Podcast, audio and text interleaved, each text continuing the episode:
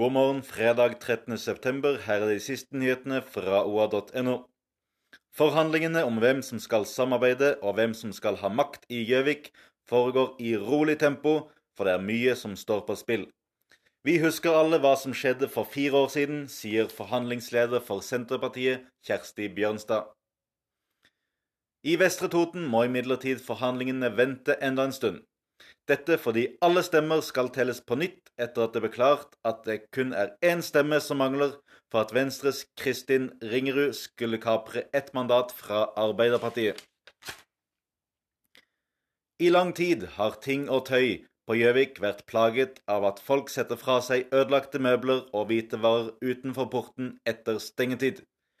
Nylig satte de opp overvåkningskamera og har allerede begynt å ta gjerningspersoner på fersk gjerning.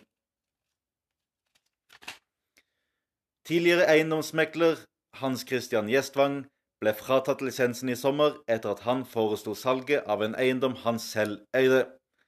Han ser imidlertid ikke ut til å la seg holde nede lenge, og er allerede i gang med flere prosjekter innen eiendomsutvikling. Følg med på oa.no for de siste og viktigste nyhetene fra Vest-Oppland.